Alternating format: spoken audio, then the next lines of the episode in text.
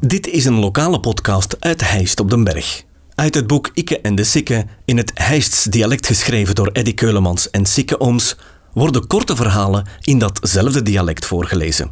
Dit vertelselke werd ingesproken door Eddy Keulemans.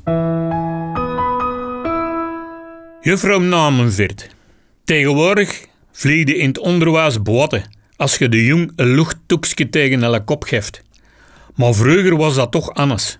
En gelukkig maar, want sommige charles konden echt het bloed van onder iemands nagels halen.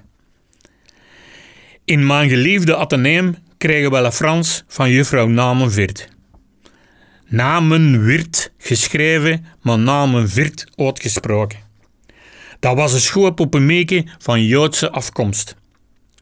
Op zekere dag las ze een gedichtje vij en met tranen in haar ogen vertelde ze erbij dat dat gedichtje geschreven was de Joods meske vlak dat hij naar de gaskamer gebrocht was in het concentratiekamp.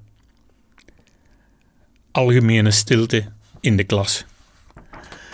Totdat de jakke van Tongerloo, een ambetant venkje dat in het internaat van Keerbergen boten gesmeten was, van van achter in de klas riep: Als chance, dan kon die zo'n stomme dinges niet meer schrijven.